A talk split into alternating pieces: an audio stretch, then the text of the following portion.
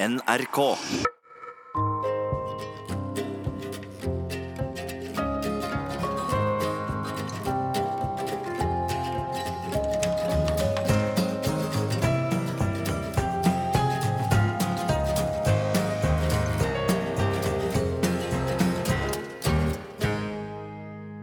For en stund siden møtte jeg en eldre nabodame i gangen.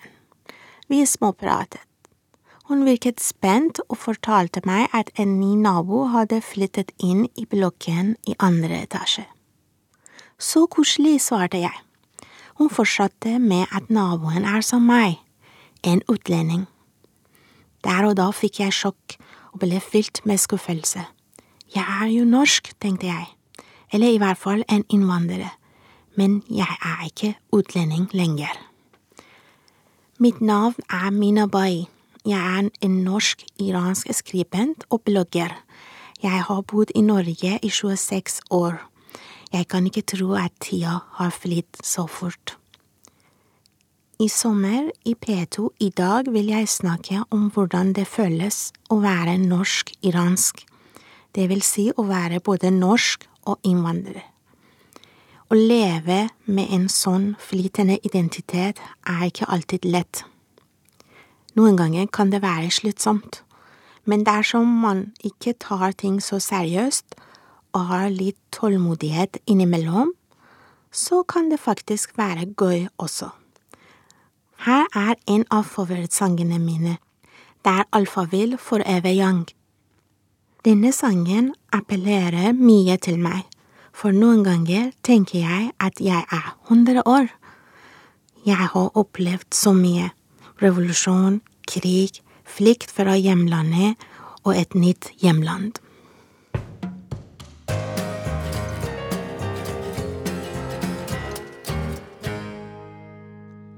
Jeg kom til Norge fra Iran i 1992, rett etter krigen mellom Irak og Iran. Det var den verste tiden i Iran. Den islamske revolusjonen hadde snudd livene våre opp ned. Før revolusjonen hadde vi en vestlig livsstil, i hvert fall i Teheran, der jeg kommer fra. Etter revolusjonen ble det innført et obligatorisk islamsk levesett. Kvinner måtte dekke seg til når de gikk ut, med hijab bukse og lang kåpe. Kvinner ble fengslet for å gå med sminke eller neglelakk. Et strengt moralpoliti patruljerte gatene. De sto utenfor varemagasin, foran jenteskoler, statlige kontorer, banker og flyplasser. Menn burde helst ha sjekk.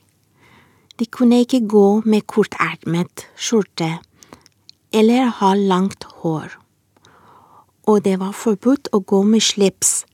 Jeg husker en dag min onkels dyre silkeslips ble klippet bort av moralpolitiet, fordi slips ble sett som et tegn på vestlig kultur.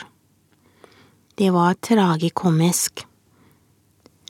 Det var i slike tider at jeg måtte flykte fra Iran, endte opp som flyktning og ble innvandrer i Norge.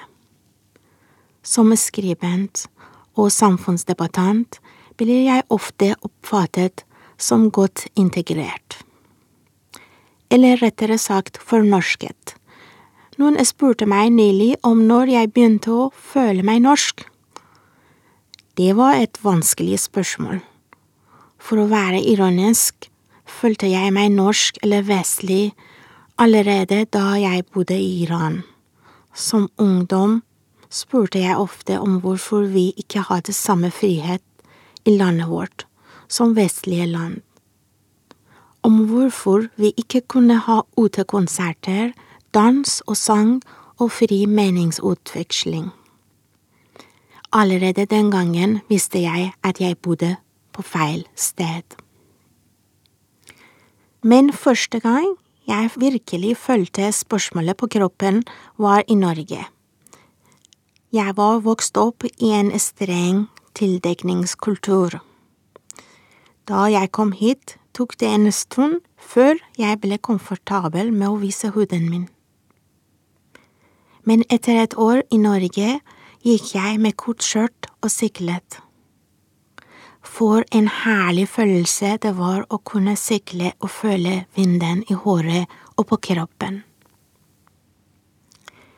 En iransk venn kommenterte at jeg var blitt så fort norsk, det var ikke ment som kompliment.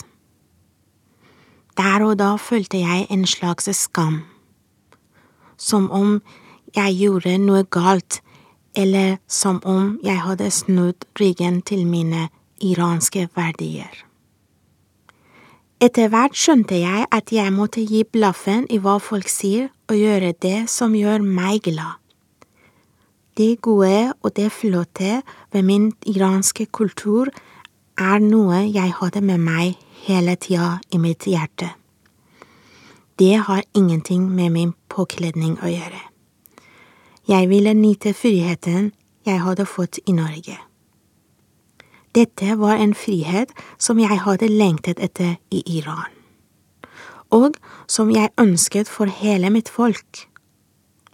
Vi persere har hatt frihet mange ganger i løpet av vår 3000 år gamle sivilisasjon. Men etter revolusjonen er den kneplet. Det var lengselen etter denne friheten som gjorde at jeg ville leve i Vesten. Friheten til å kunne mene det jeg mener, å kunne kle på meg det jeg vil, og bare være fri.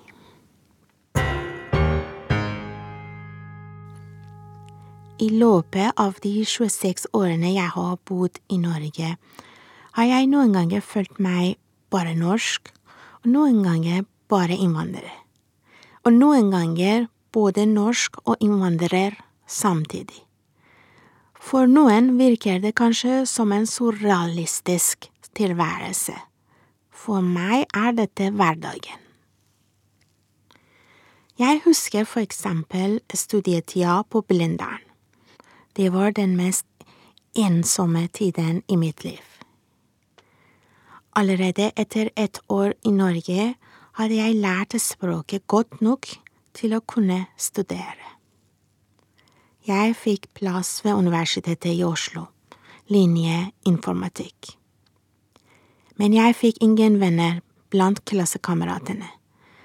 Der og da lærte jeg at nordmenn ikke er så kontaktsøkende. De virket innesluttet og private. Etter hvert forsto jeg at jeg måtte holde meg unna og la dem drive med sitt og ikke trenge meg på med småprat slik man gjør i Iran.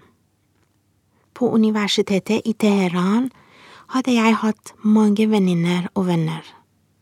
En av dem var en jente jeg møtte på bussen. Vi slo av en prat og ble venninner. Den type åpenhet og varme var noe jeg savnet utrolig mye i studietida. Den gangen følte jeg meg definitivt mer som innvandrer enn norsk. Jeg gikk alene og i min egen boble til forelesning etter forelesning. Det var først i X-FIL-klassen at jeg fikk en del venner. I klassen jeg gikk, ble det forelest på engelsk, og alle studentene var utenlandske. Men ved å klumpe oss sammen følte vi oss mer som innvandrere enn som norske. Bonde mellom oss økte distansen til nordmenn. I stedet for å bli kjent med norske studenter spekulerte vi mye rundt nordmenns livsstil og væremåte. Det er derfor jeg er ganske engasjert i mine skriverier om at innvandrere og nordmenn må komme hverandre nærmere og blande seg mer i arbeidslivet, i fritiden, på skolen og på universitetet.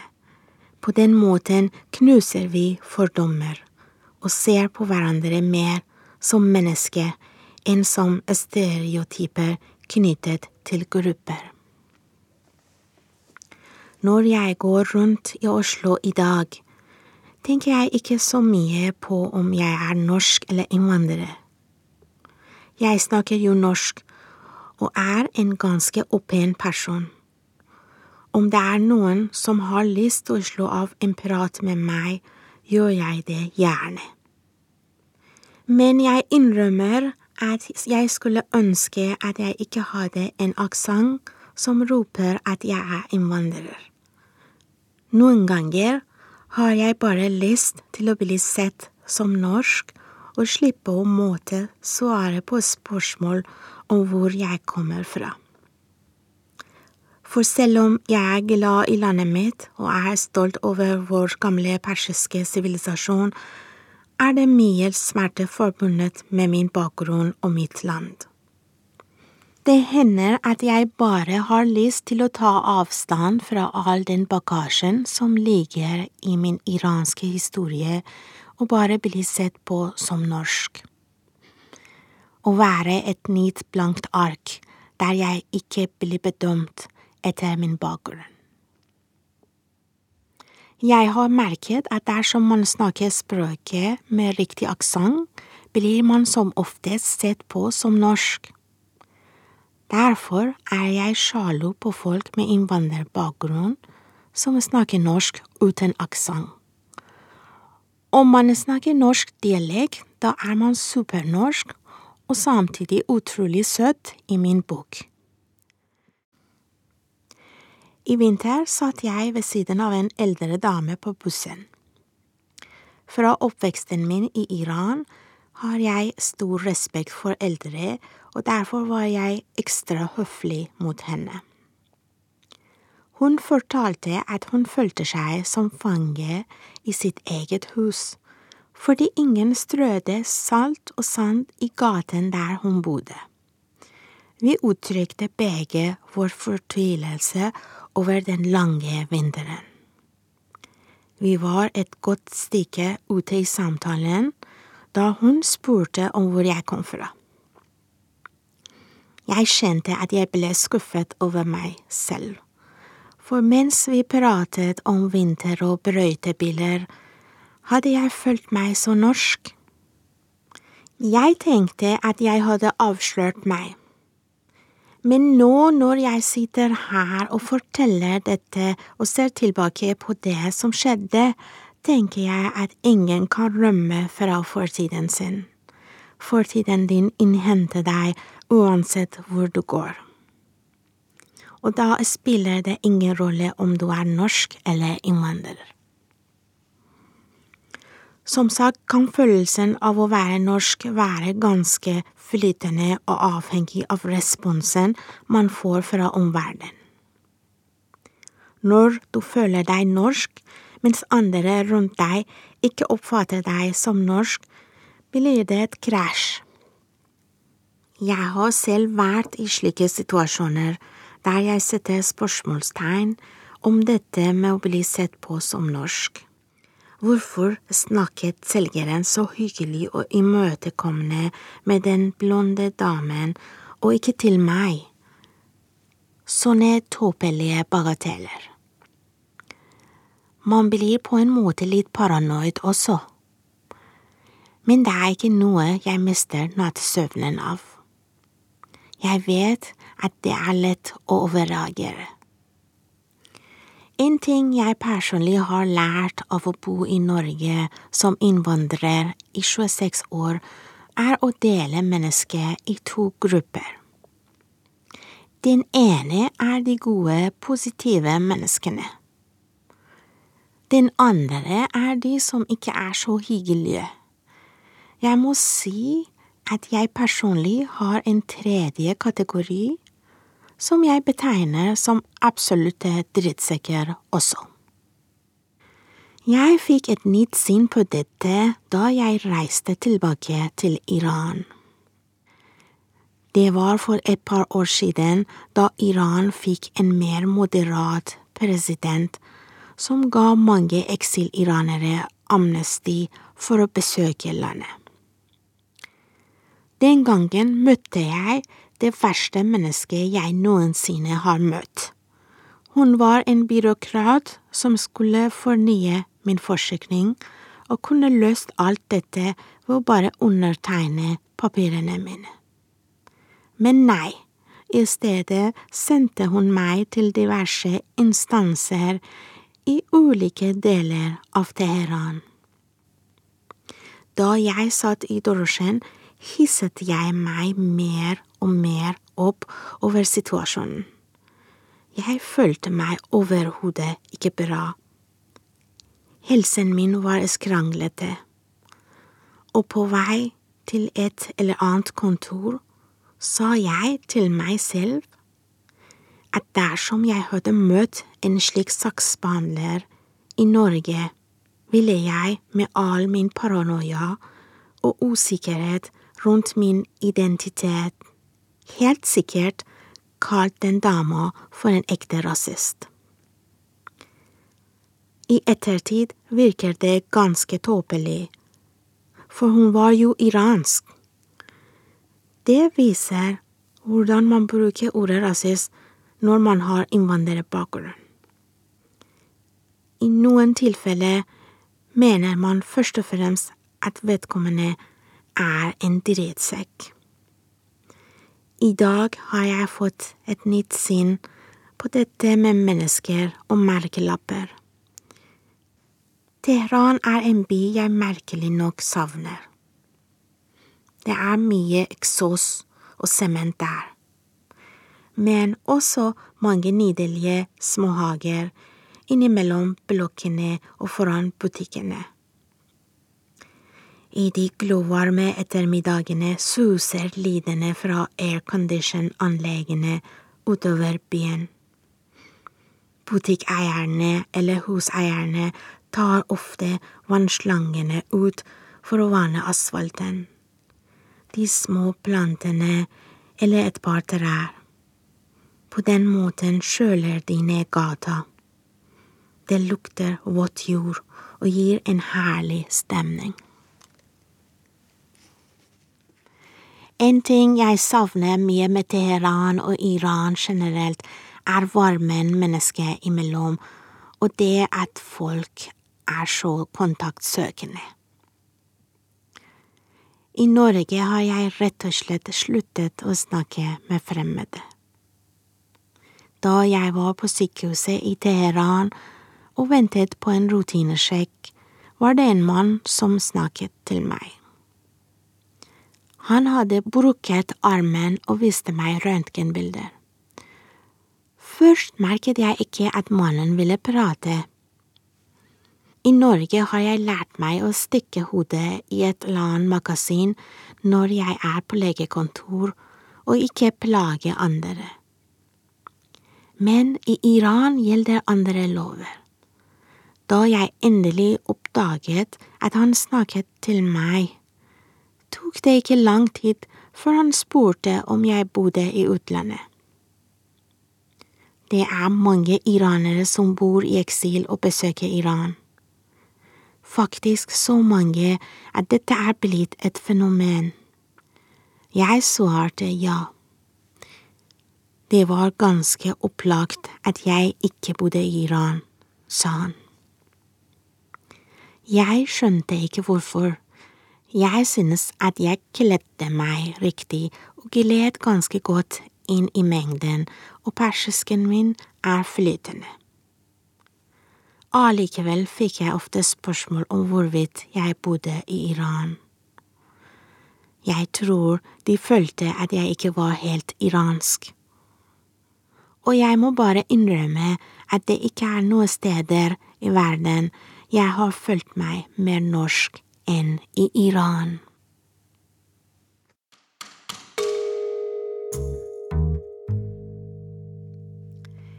I Norge er det mye snakk om hva som er norsk kultur, og hva det betyr å være norsk. Ettersom jeg kommer utenfra, oppfatter jeg kanskje norsk kultur som noe litt annerledes enn nordmenn som er født her. Jeg er mer opptatt av verdiene som norsk kultur har gitt meg. En av dem er likestilling, en verdi som jeg setter veldig stor pris på, spesielt fordi jeg kommer fra et land der kvinner dessverre ikke er likestilte, men er underordnet menn på grunn av sharia-lovene. Jeg følte likestillingen på kroppen da jeg kom til Norge.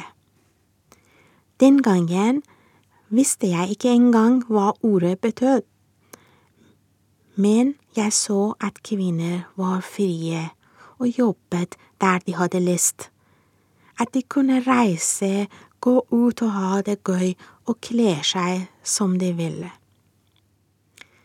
Alt dette oppfattet jeg som en slags norsk kultur. Kvinner jobber i Iran også, og vi har en høy andel av kvinner på universitetene våre. Men dessverre blir kvinner diskriminert i mange sammenhenger. En annen verdi som jeg setter pris på, er individualisme. Å ha friheten og anledning til å få være seg selv uansett hva andre mener om deg. Selv om jeg er innmari glad i Iran og iransk kultur, må jeg si at hos oss er det dessverre et svært moraliserende kollektiv som bestemmer. Passer du ikke inn i denne konforme malen, er du et avvik og en fiende av samfunnet. I blokken der vi bodde i Iran, var folk skeptiske til unge, single menn som skulle leie leilighet. De ble ofte nektet å flytte inn fordi det bodde mange barnefamilier der. Noen mente en ung singel mann kunne spre umoral ved å ha en kjæreste. Og her snakker vi om inne i hans egen leilighet. Det var helt absurd. Selvfølgelig hadde ting blitt bedre da jeg besøkte Iran sist. Verden går fremover, og kultur og vaner forandrer seg. Vi smitter og påvirker hverandre. Kanskje iranere også har blitt litt norske? Men spørsmål om kultur og identitet kan også være slitsomme. Det må jeg bare innrømme. I studietida farget jeg håret blondt. Jeg vet ikke hvorfor. Kanskje bare for å passe bedre inn. Jeg hadde ikke lyst til å stikke meg ut med mitt utseende. På den tiden var det heller ikke så eksotisk å være mørk som nå.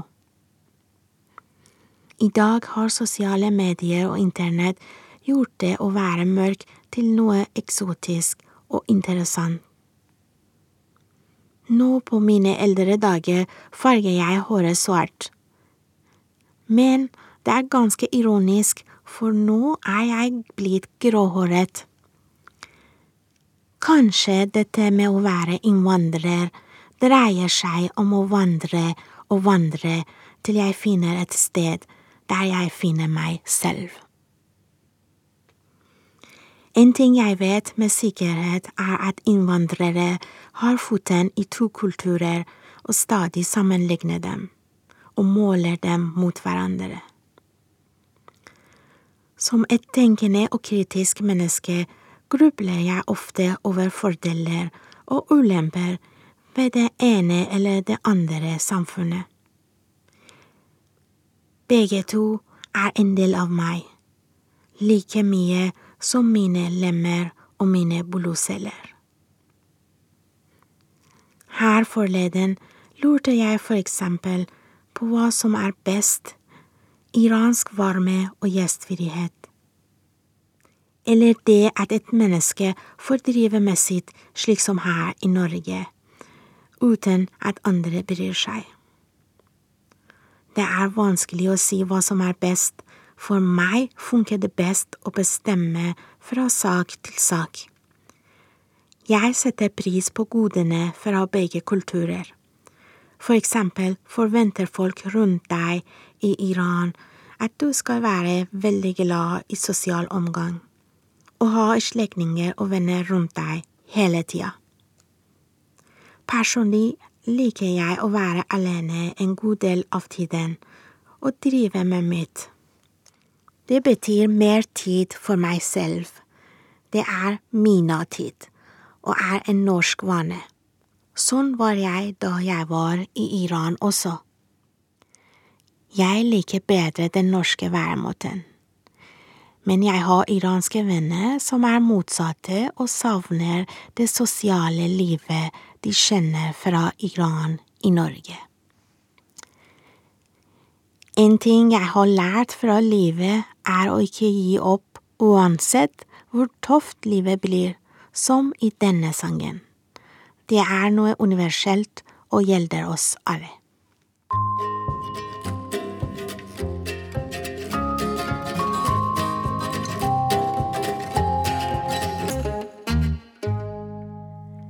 Når det gjelder mat, må jeg være en smule diskriminerende og si at jeg foretrekker iransk mat, for luktene og smakene er ikke bare lukt og smak, men minner fra barndomshjemmet og høytider.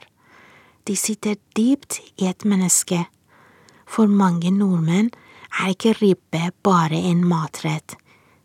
Det er minner fra jul og familien i juletida. Dessverre er jeg ikke så flink til å lage iransk mat. Dette har alltid vært en ulempe når jeg skulle date iranske menn. For en iransk kvinne som ikke kan den persiske retten gormesabzi, har ingen sjanse. Gormesabzi er en svært populær gryterett med stekte grønnsaker, urter, bønner og kjøtt som vi spiser sammen med ris. Jeg får ofte spørsmål om jeg liker julemat. Jeg er ikke religiøs og er alt etterne. Jeg synes man må tørre å prøve nye ting. Min personlige favoritt er medisterpølse med kål og mosete poteter. Når jeg sier det til nordmenn, blir de så innmari glad. Deretter spør de ofte om jeg feirer jul eller har juletre. Selvfølgelig har jeg juletre, svarer jeg. Et plastikkjuletre. Det skuffer en del nordmenn, som mener et ekte juletre må være fersk og hentet rett fra skogen.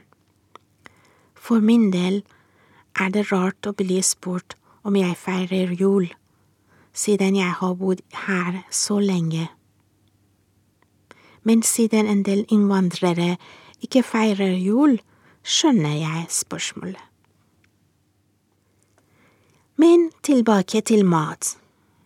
Da jeg var på besøk i Iran, ble vi ofte invitert til slektninger. Der ble vi servert deilige persiske gryteretter med safran og spesiallaget basmati-ris. Det var som å tre inn i Tusen og en natt. Men det er rart dette med mennesker og hvordan de forandrer seg og adopterer nye vaner. En kveld satt jeg på balkongen og så utover byen med alle høyblokkene. Klokken var kanskje rundt elleve på kvelden, og jeg kunne høre bilarmen og småprat på persisk fra gata. Og plutselig savnet jeg duften av en kopp varm kaffe og litt kveldsmat. I mørket av en varm og vakker sommernatt i Teheran lengtet hjertet mitt aller mest etter en ekte norsk brødskive med Norvegia-ost. Noen sier at et spørsmål om hvor man kommer fra, virker invaderende og til og med fremmedfiendtlig. Jeg tenker at slike ting kommer an på personen og hans eller hennes mentale tilstand og bakgrunn. Føler man seg såpass norsk at man blir lei seg av å bli spurt, da er det kanskje best å ikke spørre. Men hvordan kan man lese menneskers tanker? Ingen av oss vet hva som foregår i andres hoder. Vi får kanskje trøste oss med at mennesker er sosiale dyr og nysgjerrige på hverandre. Dyr lukter på hverandre mens vi spør hverandre. Slik jeg ser det, er det bedre å være interessert i andre enn å være likegyldig. I studietida var vi en gang på disko sammen med klassekamerater fra Oslo ingeniørhøgskole. Jeg husker at en av dem på spøk ville ta på håret mitt fordi jeg hadde så tykt, krøllete hår. På den tida var det morsomt for meg. Nå, på mine eldre dager, er jeg mer sur. Jeg ville ikke tillate at noen skulle ta på håret mitt og flire av det som om jeg er et slags eksotisk dyr. Men på den tida var vi unge og tøysete. Her velger jeg min favorittsang fra Amy Winehouse, Back to Black. Ikke fordi vi går tilbake til svart, men bare fordi sangen er så vakker. Jeg tenker at kanskje det finnes noen der ute som har akkurat denne sangen som favorittsang. Jeg har en god venninne med norsk-somalisk bakgrunn som er gift med en nordmann. Hun tøyser med at jeg ikke kan si at jeg er helt norsk, før jeg kan stå på ski. Hun er selv blitt veldig glad i å stå på ski fordi hele familien går på ski i påskeferie og gjennom vinteren. Hun har ikke lyst til å gå glipp av slike fellesopplevelser. Det at hun er norsk-somalisk og utrolig glad i å stå på ski, er noe vi finner svært interessant å prate om. Det er så utypisk for innvandrere. Jeg er veldig stolt av henne for hennes inderlige innsats. Tenk at Solas barn blir til døtre av snø. Det er bare vakkert. 26 år har gått, og her er jeg. Mina Bai fra Iran, skribent, tidligere ingeniør, blogger, sittende i studio i NRK for å fortelle om mine følelser rundt dette med å være norsk eller innvandrer. Akkurat nå som jeg sitter her i studio, føler jeg meg beæret og ganske inkludert. Jeg føler meg definitivt norsk. Andre ganger er jeg ikke så sikker. Kanskje dette med å ha flytende identitet er litt som å ha en slags personlighetsforstyrrelse. Det er som å være splittet i to, der den ene delen er forskjellig fra den andre. Dette trenger ikke nødvendigvis være en ulempe. Tvert imot, innsikten som kommer med å ha en slik bakgrunn, gjør at man er mer erfaren, mer verdensvant og kanskje har bredere horisonter. Jeg håper i hvert fall det. Det betyr å være litt av hvert, litt som livet selv. Rotete, sammensatt, komplisert. Når du har en flytende identitet, må du oppfinne deg selv hver dag. Og du må oppdage deg selv som om du er et nytt, spennende landskap. Det dreier seg om å adoptere nye ting, og være åpen nok til å ta lærdom av alt det nye rundt deg men det handler også om å lære bort litt til omverdenen fra din kultur. I mitt tilfelle handler det om mat, historie og respekt for eldre og familien. Jeg prøver å gi litt av meg selv. Sette spor, gi et tegn om at jeg har vært her i denne evige vandringen som heter livet.